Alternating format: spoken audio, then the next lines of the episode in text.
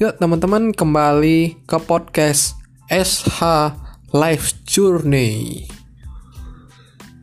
Ya, di chapter kedua kali ini kita akan membahas tentang friends in college and about relationship lebih mendalam. Begitu. Oke, kita mulai dari pengalaman pertemanan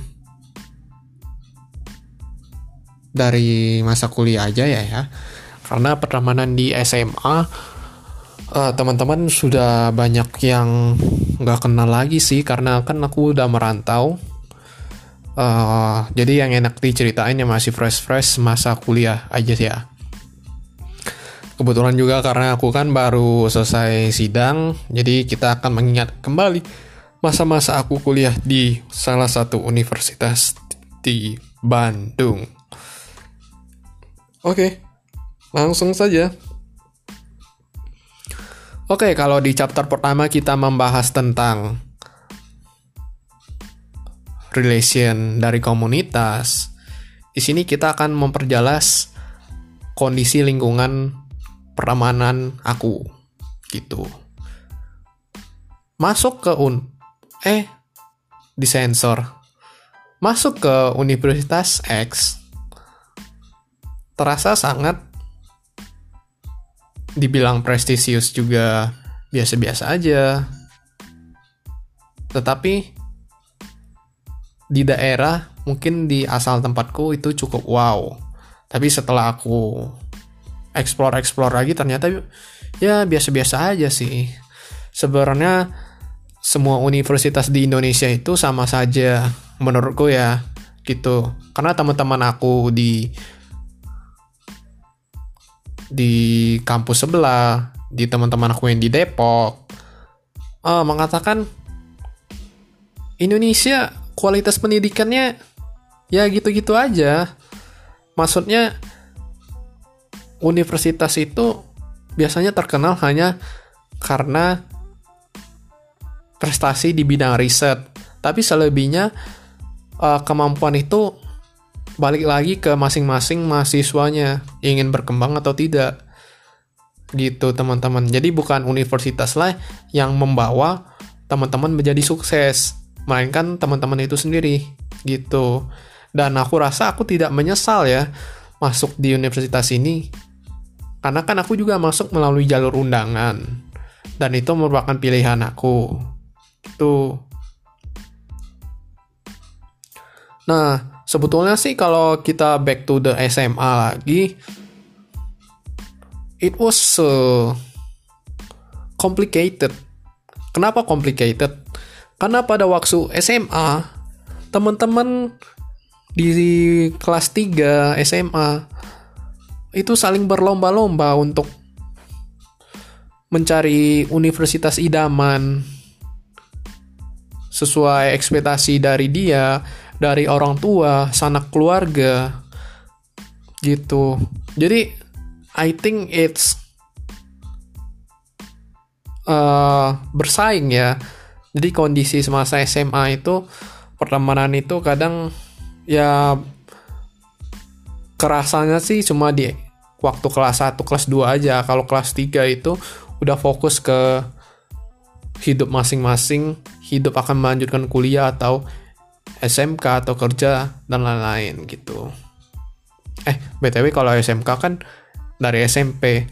Oh iya, maksudnya itu habis dari SMA ingin melanjutkan ke sekolah kedinasan atau tidak begitu maksudku.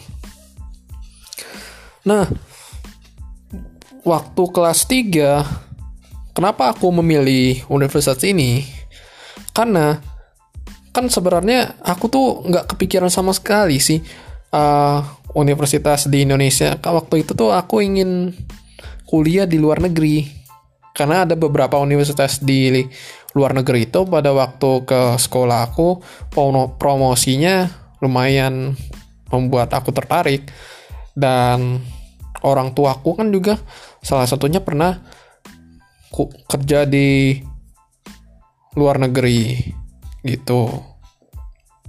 Jadi itu pada waktu SMA kelas 3 itu masa-masa yang bimbang sih. Dan akhirnya aku memiliki uni memilih universitas ini. Nah tapi ada tuh teman-teman aku yang cukup pede memilih uni memilih universitas X. Wah ternyata dia masuk teman-teman dan saya adalah mahasiswa yang bertipe kayaknya mencari aman dah karena jalur undangan. Karena pada waktu itu kakak-kakak tingkat aku walaupun bisa masuk ke Universitas X yang lebih katanya lebih world class university, tetapi jurusannya tidak laku di pasaran. Sorry not to say.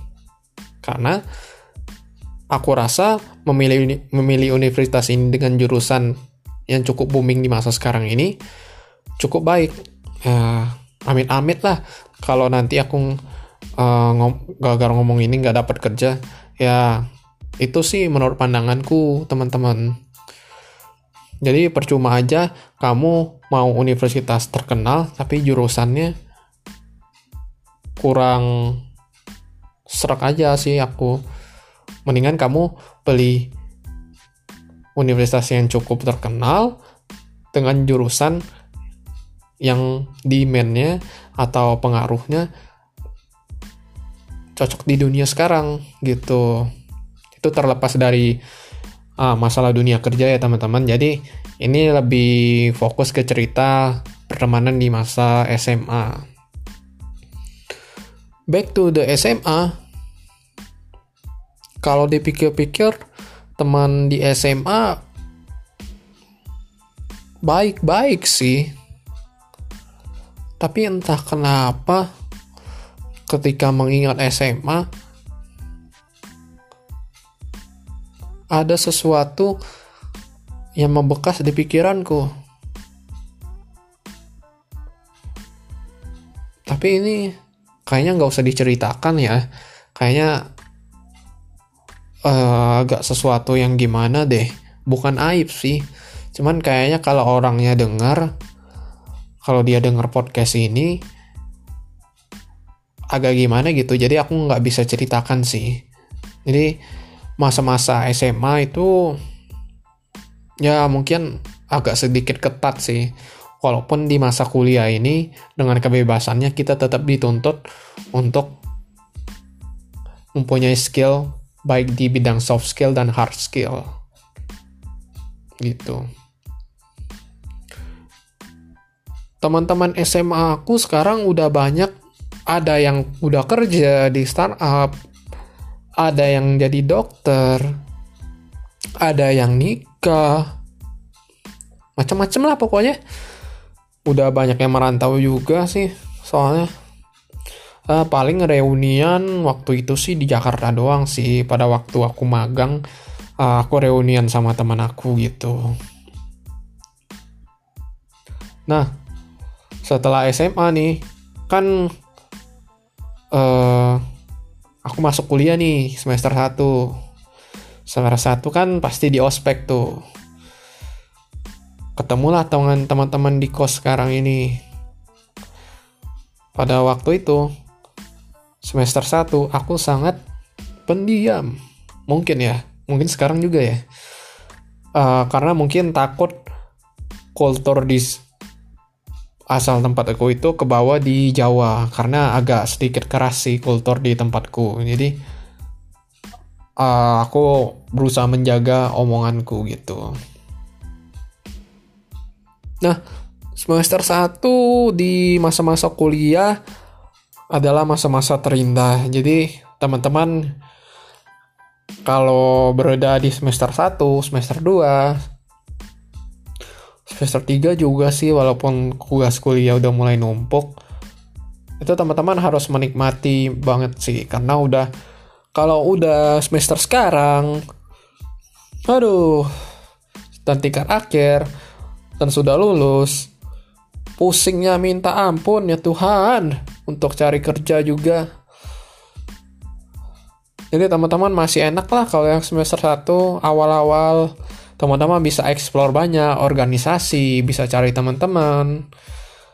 yang memiliki minat yang sama ataupun mencari relation termasuk relationship gitu tapi yang lucunya dari awal aku kuliah sampai sekarang ya di jurusan aku walaupun lawan jenisnya um, sedikit cuma berapa belas orang dan ada yang oke okay, menurutku cuman kenapa aku tidak tertarik sekali ya sama teman-teman aku ini secara uh, seksualitas maksudnya di sisi kesukaan pada lawan jenis. Kenapa aku lebih suka teman-teman saja sih ya? Karena terasa hambar gitu. Di jurusan aku. Mana anak-anaknya, aduh kacau lah. Tahu lah lingkungan mahasiswa banyak yang aneh-aneh anaknya. Ada yang rapatnya berhari-hari. Ada yang suka nongki. Ada yang bucin.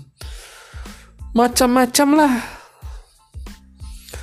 tapi itulah yang membuat experience teman-teman menjadi berharga. Karena teman-teman kalau udah lulus kalau udah kerja nggak akan mungkin dapat pengalaman kayak gitu. Teman-teman udah berkeluarga teman-teman pasti mengingat masa-masa waktu kuliah. Kalau teman-teman kuliah ataupun masa-masa waktu SMA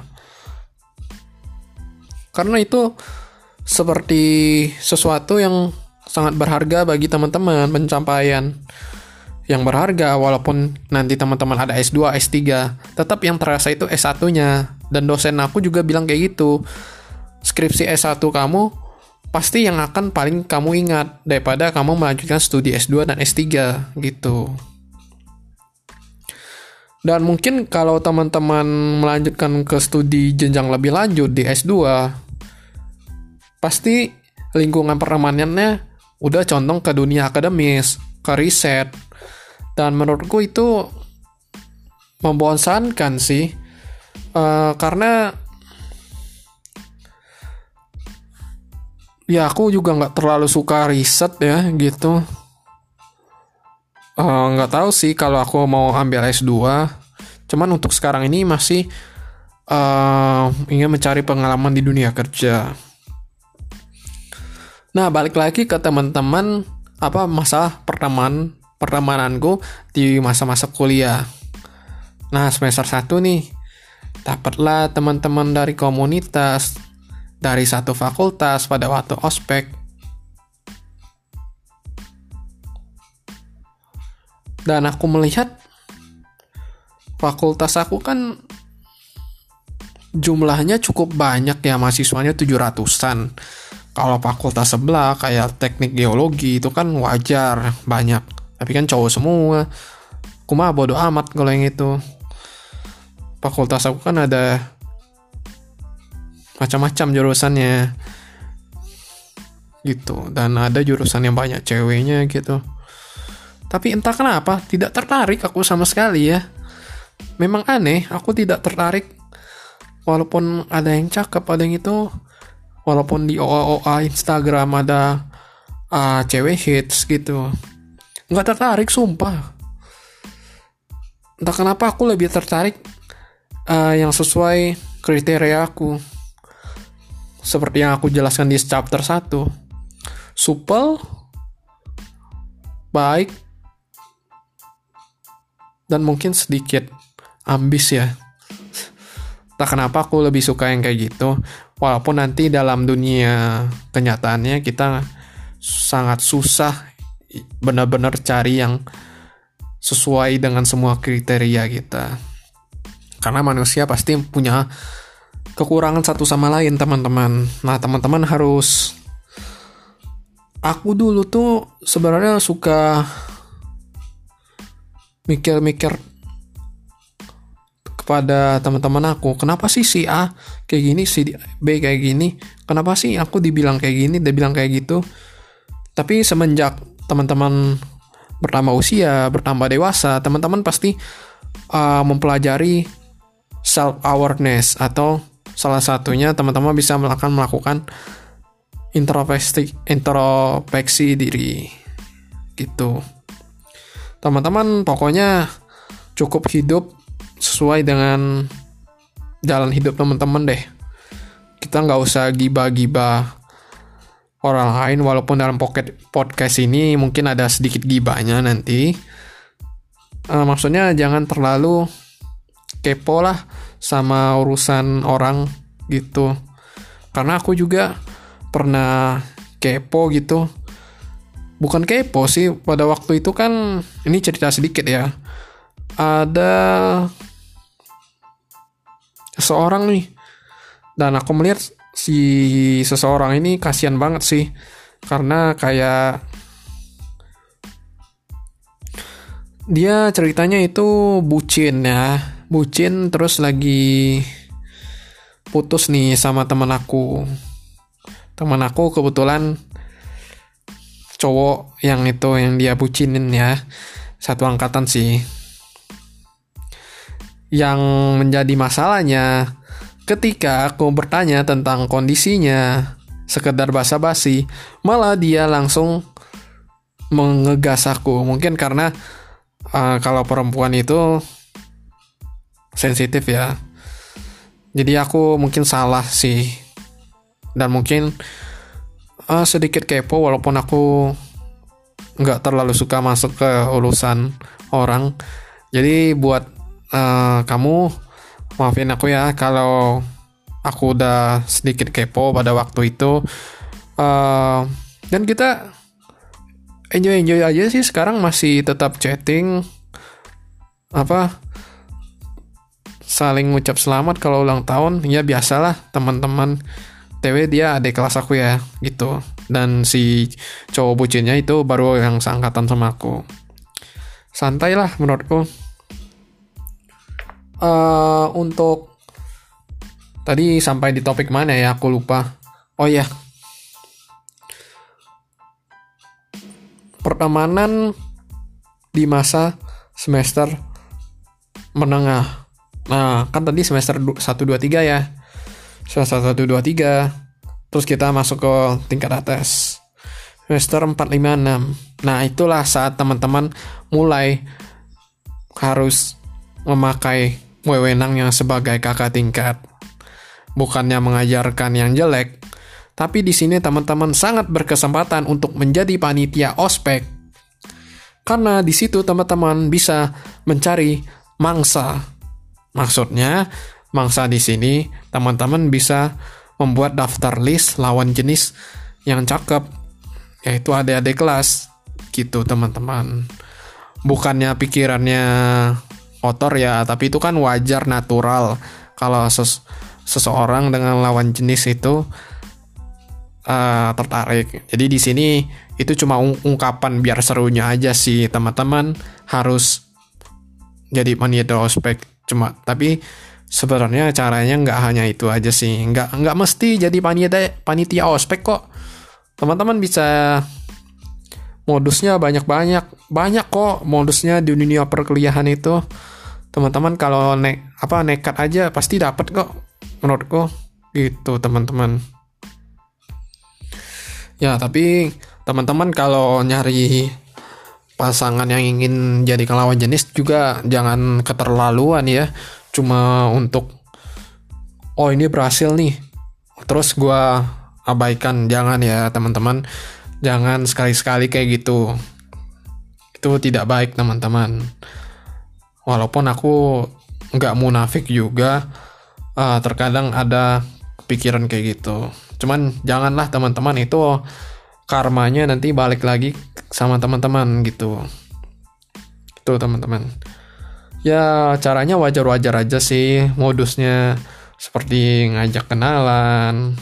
Nih gue kasih trik nih kalau mau kenalan sama lawan jenis yang kamu suka dimulai. Kamu contohnya dekati si dia kalau ada waktu terus katakan hey kayaknya aku pernah kenal kamu deh tapi lupa uh, atau di kegiatan mana gitu kita pernah kenal. Oh iya kamu namanya si ini ya kok? Kalau kita pura-pura lebih jago ya oh iya aku ini. Oh iya salam kenal ya. Btw kamu di jurusan ini ya? Fakultas ini ya? Hmm gitu. Iya iya iya. Nah mulailah dari situ teman-teman bisa mengembangkan skill teman-teman dan berimprovisasi. Gitu. Nah trik ini nggak hanya untuk pria sih kalau wanita juga. Pengen bisa kok. Cuman kadang wanita kan malu-malu gitu. Ingin cowok atau pria terlebih dahulu untuk memulai ya itu terserah balik lagi ke masing-masing uh, orangnya nah kalau gebetan teman-teman atau sasaran teman-teman di beda kampus nih Nah, sama caranya kayak gitu. Teman-teman sering banyak nongki-nongki aja. Kalau di Bandung nih, teman-teman tahu kan ada universitas beberapa yang terkenal di Bandung. Nah, kadang-kadang pergilah ke kafe atau tempat belajar. Kadang-kadang boleh lah sekali-sekali kenal-kenalan kayak gitu. Bisa aja kan nanti kenalan itu bisa jadi partner kita di masa depan. Nggak apa-apa, nggak ada salahnya. Teman-teman bisa mengembangkan relasi gitu. Cuma jangan kelewatan ya teman-teman. Kalau benar-benar nggak kenal, um, janganlah sok-sok akur gitu. Antara malah uh, lawan jenisnya yang ilfeel kayak gitu.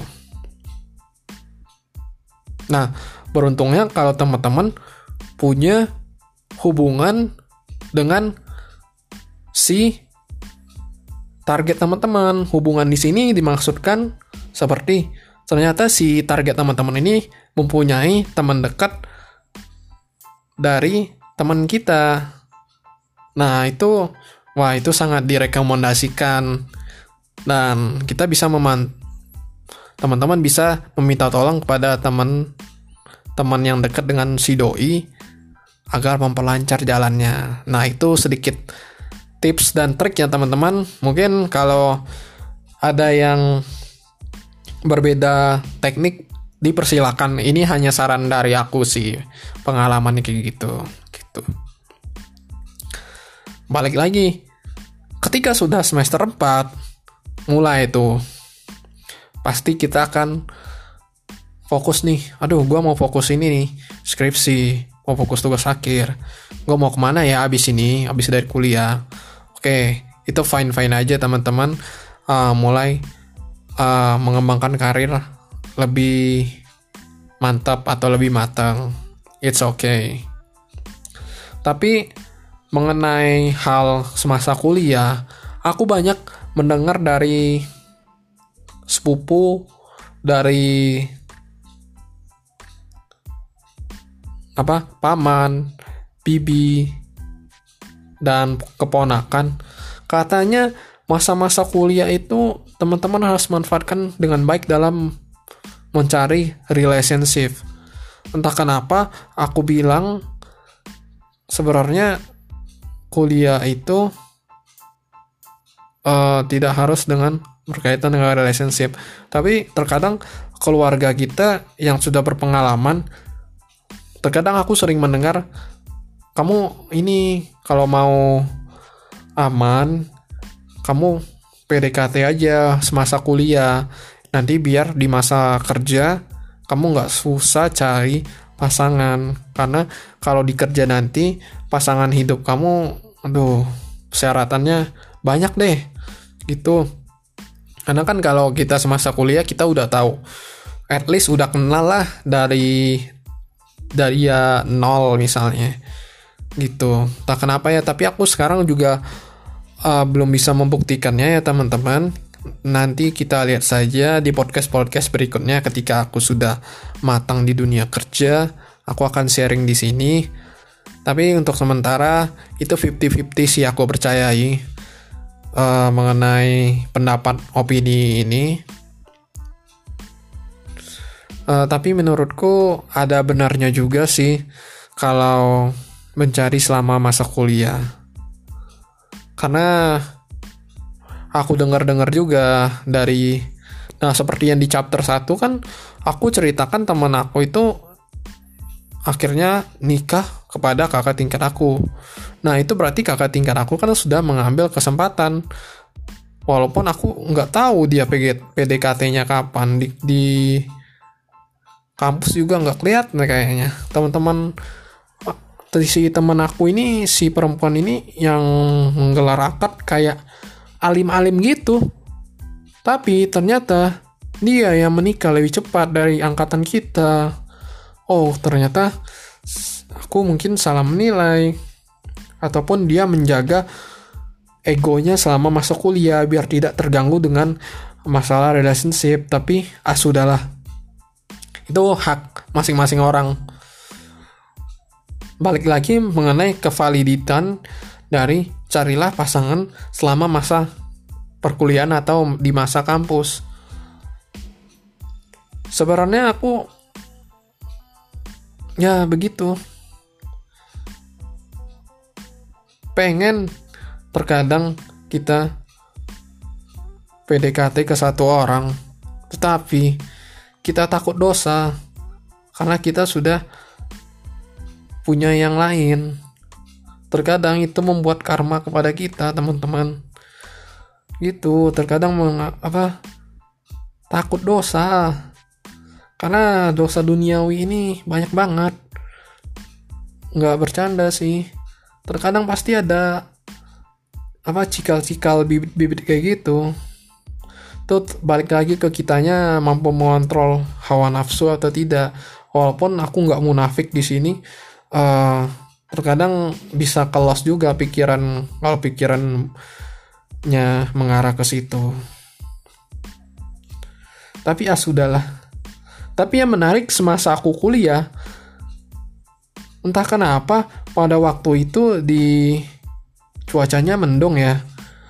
Dan aku diminta tolong oleh teman aku di lawan jenis ini untuk uh, ke satu fakultas untuk meminjam lapangan basket. Karena dia adalah uh, ketua apa ketua divisi minat dan bakat di hima aku. Entah kenapa padahal aku cuma bilang waktu itu kan dia setelah minta tanda tangan surat untuk meminjam lapangan dia langsung tuh bilang ke aku yuk apa balik lagi ke jurusan? Aku mau ini ngasih ke anak-anak apa ke anggota aku. Ini proposal pinjaman lapangan. Karena waktu itu hujan deras aku cuma bilang nantilah kan hujan. Ntar sakit dong apa? Kamu sakit dong. Gitu. Tapi entah kenapa padahal aku menganggap itu biasa saja. Ternyata dia ini menurutku ya bukan GR ternyata dia sepertinya kepincut ada sesuatu yang kepincut.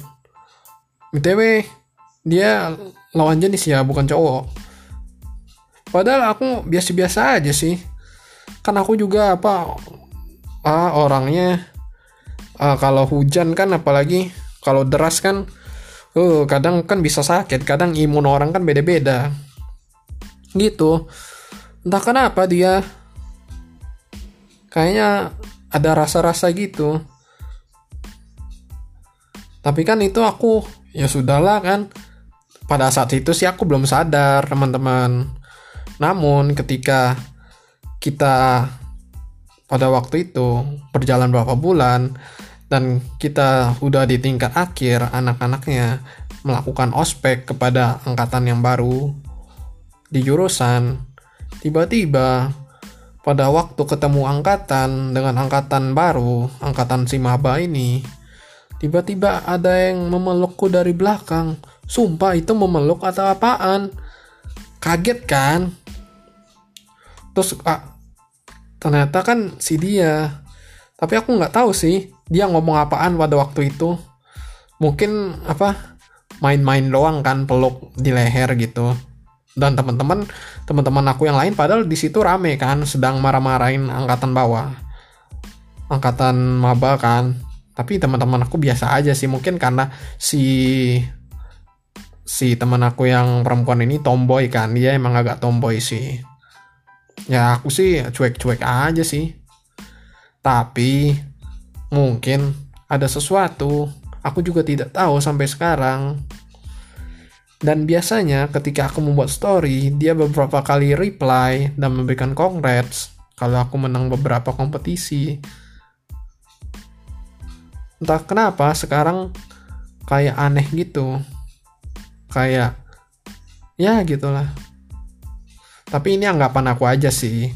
Nggak tahu walaupun aku GR atau enggak maafin ya teman-teman tapi aku sama sekali nggak ada aku cuma anggap temen ya teman teman kok. Kalian kan teman-teman aku. Oh oke. Okay. uh, eh, saling teman kan pasti saling menjaga gitu. Kalau ada yang buruk dikatakan kalau ada yang baik ya boleh dinasihati secara halus. Itu sampai sekarang sih aku biasa-biasa aja. Dan oleh karena itu makanya aku bilang aku sama sekali tidak tertarik dengan lawan jenis yang ada di fakultas dan di jurusan aku. Aku hanya tertarik ke beberapa teman saja yang aku sudah kenal. Dan teman-teman yang aku kenal ini tidak berasal dari jurusan yang sama. Karena mungkin hmm, standarnya beda ya.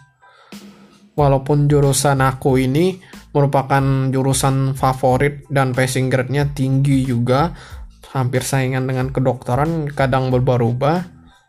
Ya tau lah teman-teman kan di jurusan teknologi ini uh, sedang booming boomingnya tanpa mengecilkan passing grade jurusan lain. Uh, tetapi hampa aja sih selama aku di jurusan. Ya walaupun ceweknya ada yang cakep hmm menurutku nggak cocok sih sama aku sih. Gitu.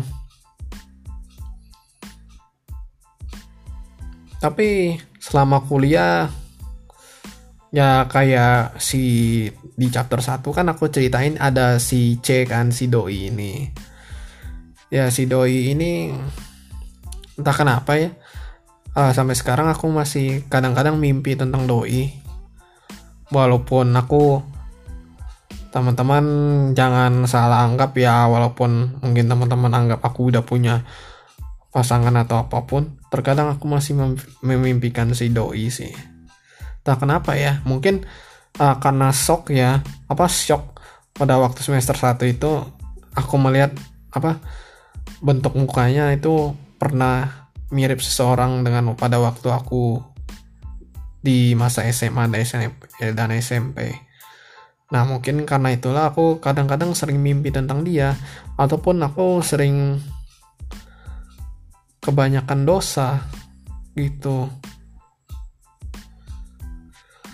Tapi terlepas dari itu teman-teman jika teman-teman kalau ingin melihat aslinya si C si apa uh, perempuan di semasa aku kuliah semasa aku kompetisi yang aku bilang uh, perempuan-perempuan itu merupakan tipe-tipe aku pasti teman-teman bakal takjub sih kalau teman-teman melihat attitude sama bukan attitude apa karakter sama